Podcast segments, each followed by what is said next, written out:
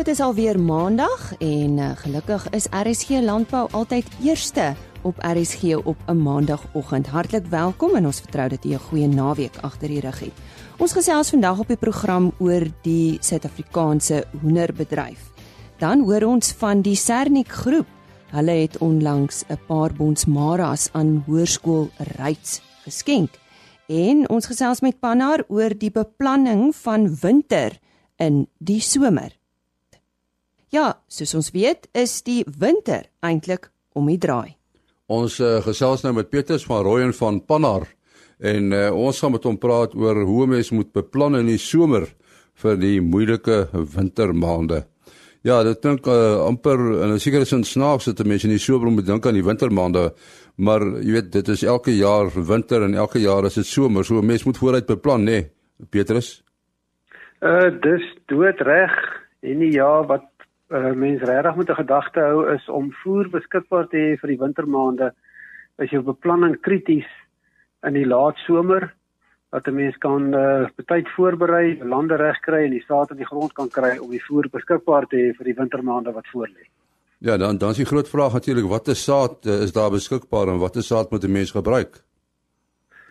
Uh dit is nog 'n baie interessante vraag as ek dit sou kan stel en boere moet baie mooi dink aan wat hulle wil doen met die produkte wat hulle gaan saai. Uh, dit gaan regtig afhang van watter diere die boer moet voer. Het hy melkbeeste, het hy uh, diere wat gaan kalf op 'n sekere stadium, het hy skape of ooe met lammers en dan natuurlik nou jou uh, produksiekurwe van die produk gaan ook 'n uh, groot invloed hê. Uh, mens moet maar seker oor die verskillende sade praat wat daar is. Uh mens kan 'n bietjie kyk na die verskillende opsies. As 'n mens uh eers gaan kyk na droëland opsies, want dit gaan ook 'n invloed hê uh, of jy gaan besproei of nie.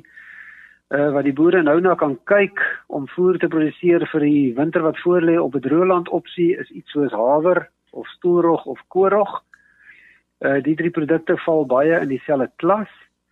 Uh haver is natuurlik die mees smaaklike van die drie en baie meer geskik vir skaapweiding. As ons gaan kyk na die besproeiingsopsies, is eenjarige raaigras 'n baie goeie opsie. Maar boere moet 'n gedagte hou dat eenjarige raaigras of intensiewe gewasse in die geval het baie water nodig en ook baie kunsmis. En en wat van die lang swenkgras? Uh mens kan ook kyk na iets soos langswenkgras of kropaardgras wat jy in 'n mengsel kan sit val onder besproeiing. Uh ons weet uh boere moet 'n gedagte hou dat kropaardgras is baie goed aangepas vir gebiede met 'n koel klimaat en 'n jaarlikse reënval van meer as 900 mm. Dit sal ook goed aard op die meeste grondtipes, maar verkies ligte vrugbare grond. Uh langswenkgras uh aan die ander kant hou van uh vleiagtige lande. Dit verdra redelike mate van grondsuurheid en dit kan ook goed gemeng word met wit en rooi klawer. Uh boere moet net daaraan gedagte hou dat jou groeikurwes van jou langswenk en jou kropaar en jou raaigrasse 'n bietjie verskil en dat jou bestuur moet aanpas om nie een van daai gewasse te swaar te bewy of miskien te kan uitdruk nie. En en wat van subtropiese somerweiding? Uh dit is 'n baie goeie opsie veral waar mense miskien kan kyk na waar boere in die afgelope jare met die goeie mieliepryse wat ons gehad het baie van hulle marginale gronde teruggesit het in mielies of in somergewasse. En uh, ek dink is 'n geleentheid om nou weer te kyk na jou meerjarige veiding van subtropiese gewasse, veral in daai lande wat nie heeltemal so 'n goeie opbrengspotensiaal het nie. Insetkoste is hoog vir uh, somergewasse en uh, boere kan gerus kyk na iets so smitsvinger, Rhodes. Uh as jy wil veiding aanplant, oulandsgras natuurlik baie goed vir hooi maak wat boere ook aan gedagte hou as hulle goeie hooi wil maak en dan witbuffel is 'n gras wat baie goed aard in die bosveld en laafveldgebiede groei onder bome. Die voordeel van witbuffelgras is dat dit behou die suikers in die winter as staande hooi is. Suikers word nie van die blare na die wortels getranslokeer nie, so dit bly vreeslik smaaklik. Ja, as jy mes nou al hierdie dinge doen, uh mens moet seker ook sorg dat die grond voorberei is, dat dit goed voorberei is. Uh nee, beslis. Uh boere moet definitief seker maak dat jy 'n baie goeie saadbed het, mooi goed voorberei fyn saadbed dat jy dan as jy plant goeie saad en grondkontak kan hê veral vir wateropname. En uh, die grootste sukses van 'n goeie weiding aanplanting is uh grondbedvoorbereiding dat jy 'n goeie saadbed kan hê. As jy daar goed begin, is jou kans op sukses natuurlik baie groter. Ek sal definitief wil uh, die boere aanbeveel om te kyk na grondontleding om seker te maak dat jou uh, vrugbaarheid van die grond reg is. Uh, dit kan 'n baie groot tragedie wees as jou vrugbaarheid nie goed is nie en jy het nie 'n goeie oes later of 'n goeie opbrengs nie. Uh, en dan kyk maar na klimaat, gemiddelde reënval, grondtipe dat 'n mens die regte produk kan aanplant. Uh as mens kyk na meerjarige uh, gewasse veral om vir jou in die toekoms 'n baie goeie opbrengs te lewer en maksimum produksie te kan kry as jy al daai dingetjies vooraf regmaak. Ons sê dankie aan Petrus van Rooyen van Pannar wat gesels het oor hoe mens moet beplan in die somer vir die moeilike wintermaande. Die uh, pluimveebedryf het 'n uitdagende 2018 agter die blad en met die kwessies van goedkoper hoenderinvoere vanuit Brasilië meen kenners die bedryf se stryd is nog lank nie verby nie. Nou Martinus Stander van Country Bird Holdings gesels nou met ons juis hieroor. Martinus se plaaslike braai hoenderprodusente is blykbaar onder druk as gevolg van die invoer van die goedkoper hoender. Vertel ons 'n bietjie meer daarvan. Goeiedag. Hi Lise, goeiedag. Ja. Ja kyk, ehm um, die hoender kom maar nog altyd in land in en probleem wat ons as 'n industrie daarmee het is omdat dit meestal gestorte porsies is. Ehm um, ons is kompeterend as 'n industrie en trouens ons is onder die top 5 in die wêreld in terme van laagste koste om 'n heel hoenderkarkas te produseer. Maar wat gebeur is dat die ontwikkelde wêreld die borsvleis verkies en uh, nadat dit aan hulle gelewer is, sit um, hulle dan met uh, met met wat ek noem nou maar byprodukte of um, of spare parts. En uh, en dis nou maar die uh, die die duitjies en die en die uh, uh drumsticks wat nou maar die lekwaters is wat ons opneem. So uh, ons is 'n goeie mark daarvoor, maar daai uh, produk word ver onder die koste van produksie verkoop. So dit word tegnies gestort in ons mark uh, terwyl ons sou verkies dat die heel karkas hier aankom en ons kan kompeteer met ehm, uh, heel karkas versus die heel karkas want ek dis tog werklik kompetisie. So in die verlede in die vorige jaar het ehm uh, in die jare het ons elke jaar gesien hoe hierdie invoere of hierdie storting dan nou toeneem. Ehm um, en ehm uh, dat dit hoofsaaklik deur die EU lande uh, gelewer is want daar's 'n vrye handelsooreenkoms tussen die SADC lande waarvan Suid-Afrika een is uh en die EU. Maar daar was volgriep in 2017 in die EU en daarom het daai krantjie 'n bietjie toegedraai en wat ons nou sien is dat Brasilië ten spyte van 'n 35% uh tarief op daai porsies nog steeds uh teen daai baie laer pryse as produksiekoste hierdie porsies kon stort. Nou hierdie porsies gaan nie teen daai prys deur na die verbruiker nie. Dis natuurlik die tweede punt wat vir ons uh nie aanvaarbaar is nie. Want want die die invoerders is maar net middelmense wat uh wat daai um, geld um, in hulle sakke kan steek en dit die voordeel gaan nie na die verbruiker deur nie en en die, en uh, wat in die meantime gebeur is dat dit ons daai ehm um, volumes verloor as 'n uh, as 'n kompeterende plaaslike industrie. So dis wat gebeur het en dis hoekom uh, Brasilië dit kon opneem en soos ek sê dis uh dis baie insiggewend dat daai 35% uh kon net so geabsorbeer word tussen uitvoerder en invoerder. Ehm uh, in in in in dit alles in 'n naatlose, jy weet, manier. So benadeel hierdie invoere ook ander landboubedrywe. Ja, Lisa, baie spesifiek ehm um, mielies en soja want uh, ingevoerde hoender eet nie plaaslike mielies of soja nie dis eenvoudig so dit dis 'n groot geleentheid wat gemis word Die eh, Suid-Afrikaanse Pluimvee Vereniging het 'n invoertarief van 82% op bevrore hoender versoek. Nou wat is die stand van sake in hierdie verband? Die ehm um, um, ITAC wat die International Trade and uh, Administration Commission is en onafhanklik uh, opereer. Hulle is besig om daai aansoek van ons te ondersoek. So hulle doen dit onafhanklik, daar's verifikasieprosesse betrokke, is 'n baie professionele uh, benadering. So ons wag nou maar om te sien. Uh ons het vir daai 82% aansoek gedoen omdat soos wat ek genoem het, 35% skrik skrik nie uh, die invoerders af nie en uh, daar's genoeg vet in daai vergelyking uh vir hulle en uh en die uitvoerders aan die ander kant om meer as te oorleef. So uh, dit ehm um, dit moet iets wees wat groter is as daai 35%. Martinus, is dit waar dat braaikyk en boerdery 'n hoë risiko, hoë beloning bedryf is? Dit is definitief ehm um, hoë risiko. Dit is uh, kapitaalintensief. Ehm uh, mens sit met onbekende tendense wêreldsiektes op uh, kommoditeitspryse soos mielies en of dit reën of dit nie reën nie. Ehm um, so dis maar in in in beginsel boerdery en boerdery is maar hoë risiko, maar wanneer alles ehm um, mooi uh, in lyn val soos ons normaal altyd spreekwoordelik praat van die son, maan en die sterre, ehm um, dan kan jy baie goeie uh, tydperk hê as die mark in balans is. Ehm um, dit is wel 'n baie bevredigende industrie om in te wees omdat die produk wat ons lewer um, 'n geliefde produk is. Ehm um, jy weet jy sal nooit iemand sien wat hulle koop wat nou regtig ongelukkig daaroor is. Dit is nie karbatterye wat ons verkoop nie. Dit is 'n produk hmm. wat uh, familie saamsnoer en natuurlik mense voed uh, en en baie veelsidig is. So wat is die risiko's van 'n braaikyk in 'n boerdery? Soos ek genoem het, ehm um, insetkoste kan buite jou beheer styg as dit nie reën nie en prys van mielies en die prys van soja gaan op. Ehm uh, daar's natuurlik um, siektes wat ook 'n rol speel.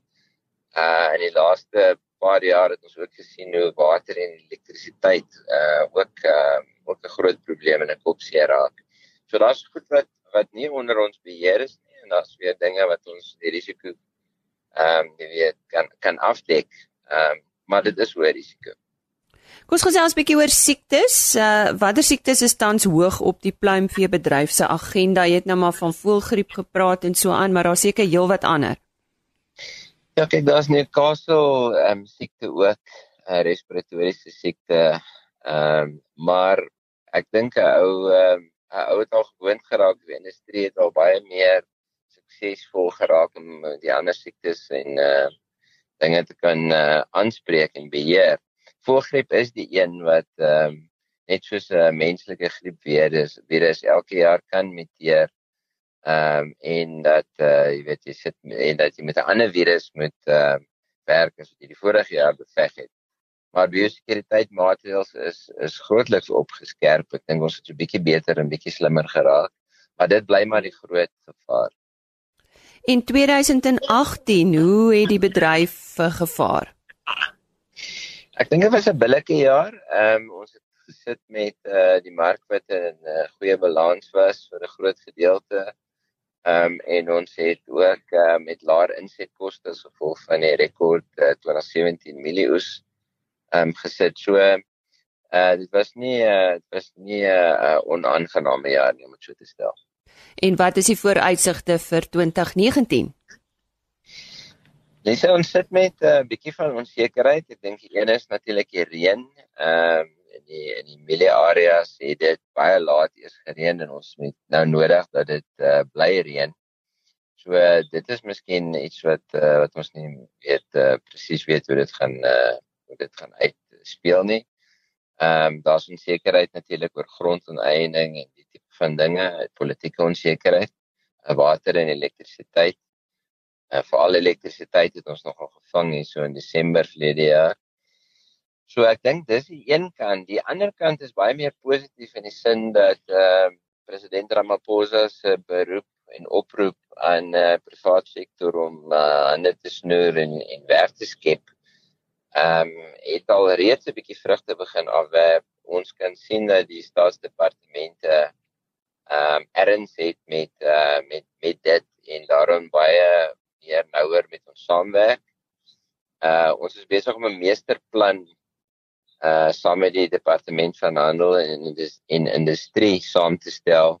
Ons basies sê wat is dit wat die uh, bedryf vir die land kan doen? En uh en natuurlik ook wat is dit wat uh, nodig is deur uh gedoen te word deur die regering om die om dit vir die industrie moontlik te maak. So ek dink daar's baie goeie geleenthede, jy weet, as as 'n voorbeeld, ehm um, as 'n ou nou daai gestorte porsies kan stop. Ehm um, met ander woorde, ons sê nie nee vir invoer en ons sê net nee vir storting omdat dit predatories is. Dis 300 000 ton 'n jaar wat inkom en vir elke 10 000 ton kan ons of as dit verhoed word, kan ons 1000 uh, werke skep. So ons kan 30000 werke skep. Maar ook baie belangrik as jy daai invoere kan vervang met plaaslike produksie wat soos ek genoem kompeterend is in wêreldterme, dan kan jy baie swart boere op grond sit. Die industrie kan dit tegnies ondersteun en uh, hierdie uitgroei model uh is 'n baie lewensvatbare uh volhoubare reeds bewese model. En jy het nie die beste landbougrond nodig. Jy het, jy het, jy het water en elektrisiteit nodig. En dan kan daar baie boere op uh, op baie plase en ons weet juis hoe hoe uh, brandpunt vraag uh weet land en en swart boerdery um, is. So ek dink daar's groot geleentheid.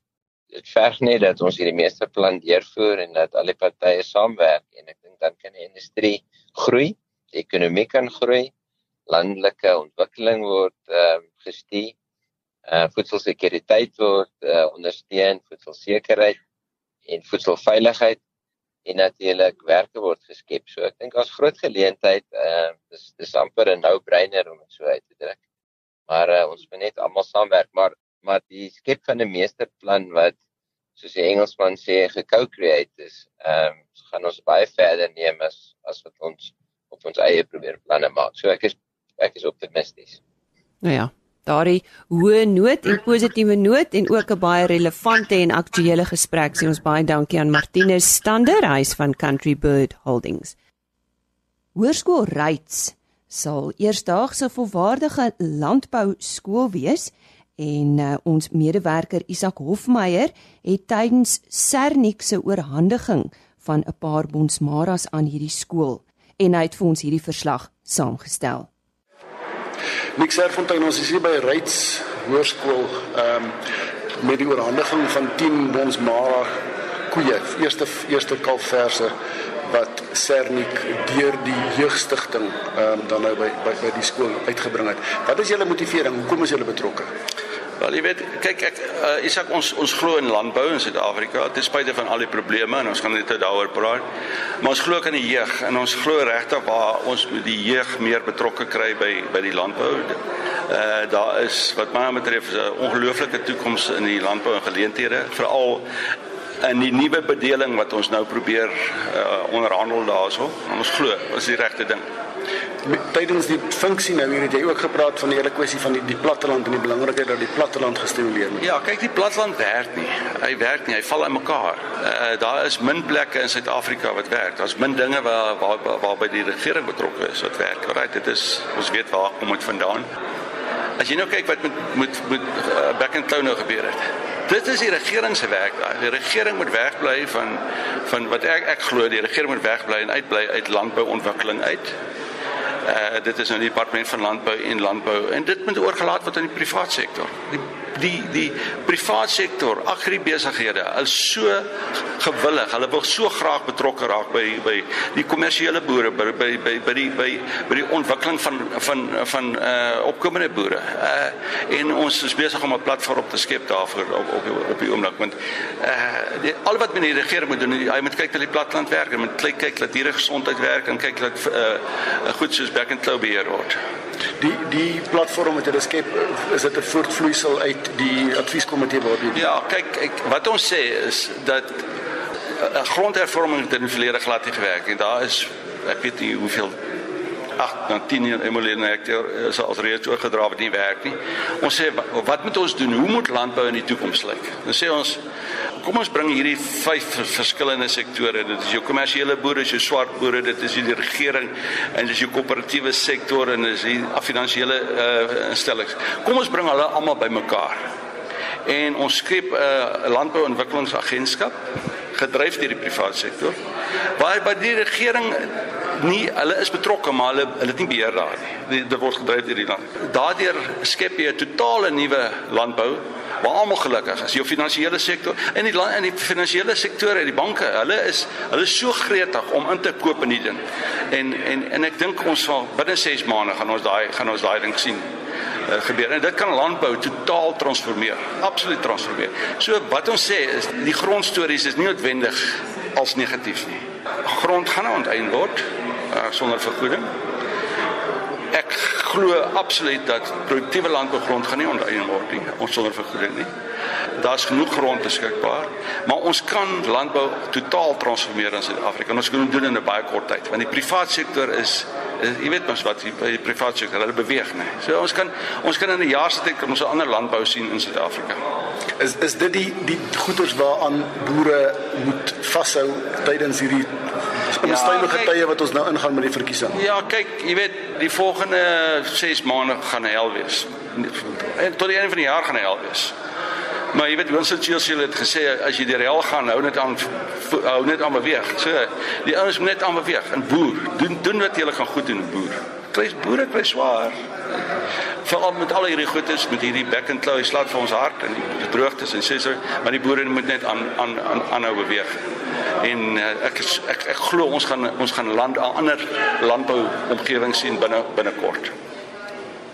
Philip Oosthuizen is uh, by Sernik wat 'n stigterslid is van die plaas Jeug Landbou Stichting en hy's op die oomblik ook ondervoorsitter van die liggaam. Jy was baie nou betrokke by die organisasie om die 10 Sernik koeie hier by Ryds op by die skool afgelaai te kry. Praat bietjie met my oor vanuit die stigting se oogpunt, hoekom dit so belangrik is. Ek sê ja, ek dink as van die stigting se oogpunt af, ehm um, hier is eintlik die eerste projek regtig uit die stigting uh, van die stigting af voorheen was dit was dit net veel plaas gewees. En ek dink die idee is regtig om ons te klomp stigterslede wat wat 'n klomp koöperatiewe besighede basies is, ehm um, en saam is ons sterker. Ek glo saam is ons is, is die hulpbronne wat ons het baie sterker. So hierdie is die eerste projek uh, wat regtig onder die stigting hardloop. Ehm um, so ek dink die die die borge wat net vinnig uit die stigting uitgekom is ongelooflik. Die blootstelling wat ons gekry het omdat ons nou as die stigting hardloop, ehm um, sê nie deel van dit en rights wat nou eerste projek is, is die blootstelling soveel groter. Ek moet net op sosiale media ensovoorts. En ek moet dis hele idee is om blootstelling tot die skool te kry. Ehm um, om om om vir die wêreld te laat weet ehm um, rights is nou 'n 'n landbouskool en dat ons landbou landbou dryf in in rights in die Vrystaat Oos-Vrystaat spesifiek. So nee, ek dink is 'n baie goeie begin, is 'n goeie afskop vir 2019. Ons sien regtig uit om om 'n verskil te maak in landbou. Hoe lyk hierdie hele projek? Waar is dit gebou? Ja, so die projek is gebou, dis basies die uh, veeplaas toetsvee projek wat wat wat reeds hardloop by by by menigte skole in Suid-Afrika. Uh Ryds het, het nou eers hulle sin gekry. Ons opgewonde dat hier is. So wat dit basies is, um, hulle hardloop 'n uh, uh, kudde basies uit daar van die saak uh wat wat ons produksie wil doen. Nou so al die aardse saak met die gemeenskap geld maak oor 'n lang termyn, maar ek dink die, die meer in diepte uh dinge wat ons wil doen, doelwitte wat ons het is om die kinders 'n bietjie meer uh blootstelling te gee tot die uh, tot die beeste om vir hulle 'n praktiese geleentheid te skep wat hulle fisies met diere kan werk, ook om vir hulle geleentheid te gee om kudde te bestuur, um, om bietjie te kyk na die genetika, om te kyk na die voeding ensovoorts. Uit die aard van die saak ons van uit 'n voedingsoogpunt, uit 'n gesondheidsoogpunt, genetika oogpunt, gaan ons hulle bystaan en regtig hulle so 'n bietjie praktiese ondervinding gee. Um, net om 'n bietjie positief ook te kry, jy weet, en as hulle eendag op die plaas opeindig of in 'n tersiêre onderrig, jy weet dat hulle so 'n bietjie so 'n bietjie meer um, opgewonde is hoe die storie positief is en dat hulle meer uh, ondervinding het rondom dit die opwindende aankondiging wat Nick Serfontein gemaak het hier is dat is dat die kudde onmiddellik geregistreer kan word as 'n stoet. Dit aan die een kant en aan die ander kant, hoe is dit moontlik dat 'n skool soos Ryds sulke waardevolle diere kon kry? Waar kom die finansiering vandaan? Ja, so die kudde is basies geplaas deur die Landbou Jeugstigting, uh wat wat uit twee sektore nou bygestaan word wat veeplaas is uh en natuurlik Sernik. So Sernik het die diere uh beskikbaar gestel om hier neer te sit en 'n afbetalingsooreenkoms vir advertensiewaarde um is deur die veeplaas tydskrif um in plek gesit. Uh so dis regtig 'n wen-wen situasie waar waar Sernik blootstelling kry, veeplaas kry baie goeie blootstelling en uit die aard van die saak um maak hulle seker um almal weet van die van die projek wat natuurlik vir skool 'n baie goeie blootstelling is vir almal te laat weet wat bereids aangaan en dat Ryds 'n landbouskool is. Um so om die kudde by die Bosmara Genootskap te registreer het uh, en ek self het vir ons 'n bietjie toutjies getrek. So so ons voorstel om 30 diere te hê uh, voor ons kan registreer, maar hulle het vir ons 'n vergunning gemaak um, omdat ons nou besig is met 'n baie goeie projek. Uh, laat hulle net 10 diere kan registreer. So Ryds gaan van die begin af hulle eie kudde um, op die by die genootskap hê wat geregistreer word onder onder Ryds se naam. So ek dink is 'n groot pluspunt en 'n goeie begin vir hulle. En en dit het natuurlik implikasies vir vir die ander kuddes by ander skole ook dat ons 'n klomp skool stoetkuddes gaan hê wat uh, in die toekoms nogal opwindend kan wees. Sonder twyfel. Uh, ek dink die ander kuddes wat reeds by die ander landbouskole is doen baie goed. Ehm um, hulle almal skou by by by die Alfa skou uh, onder andere en ander skoue reg oor oor Suid-Afrika. Die Bosmara skou nou nie, maar ek bedoel ek het nog steeds 'n baie goeie blootstelling. Ehm um, jy's om die kudde hierso te hê. Ehm um, die idee is regtig om oor 10 jaar baie goeie kudde hierso te hê wat wat kan meeding met ander met ander kommersiële boere wat wat baie goed sal wees. Ons gesels met meneer Johan Broekman. Hy is 'n uh, onderwyser by Ryds Hoërskool en ook verantwoordelik vir die landbouvakke hier by die skool. Nou Johan, jy was baie nou betrokke by die hele proses om hierdie verse van Sernik eintlik die eerste eerste kalfverse van Sernik hier afgelewer te kry. Die hele proses wat eintlik deur die jeugstigting bemiddel is. Wat wat beteken dit vir die skool? Jong, dit beteken ongelooflik baie vir die skool. In die sin dat ons wil uitbrei en ons wil groter word. Ons is besig om 'n landbouakademie skool te word totaal afhanklik van die landbou. Ons het nog akademiese vakke, maar ons wil heeltemal oorgaan na 'n landbouskool toe. En as ons kyk na daai prinsip dan wil ons graag weet verder uitbrei en hierdie beeste gaan vir ons baie beteken vir die toekoms. Ek hoor in die in die funksie wat ons nou nou gehad het, het iemand gepraat van die twee fasette, presisie landbou, presisie boerdery en dan bewaringsboerdery, die twee die twee hoofdrywers van julle inisiatief. Ja, dis 'n nuwe inisiatief. Dit gaan nou meer gaan op uh N grade wat jy dan kan kry daarop. Uh dit is 'n nuwe ding wat voor vir ons lê. Dit gaan oor bewaringsboerdery en presisie boerdery. Ons voel daar's nie genoeg saam daar op klem gelê binne in die handboeke op die stadium nie. So ons wil graag uitbrei op daardie gebied. En spesifiek dan nou die die die die Bonsmara kudde wat hier gevestig word, praat daaroor. Uh die Bonsmara kudde gaan vir ons ook leer rondom presisie boerdery want daar is baie presisie betrokke rondom 'n 'n kudde. En uh, dit gaan vir ons vreeslik baie beteken om elke KI byvoorbeeld gaan geleer word. Daar gaan geleer word met rondom voere. Daar's baie aspekte waar die leerders baie gaan leer en ons gaan baie prakties doen op die velde self.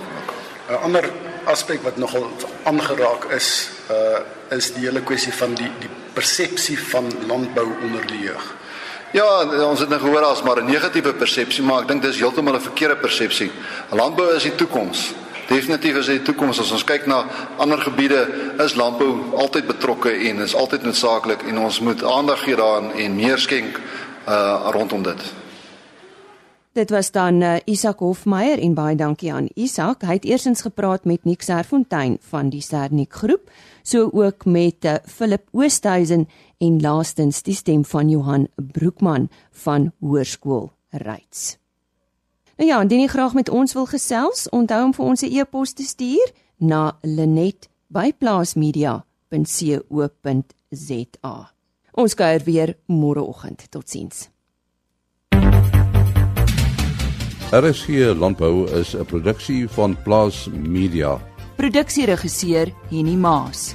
Aanbieding Lisa Roberts. En inhoudskoördineerder Jolandi Root.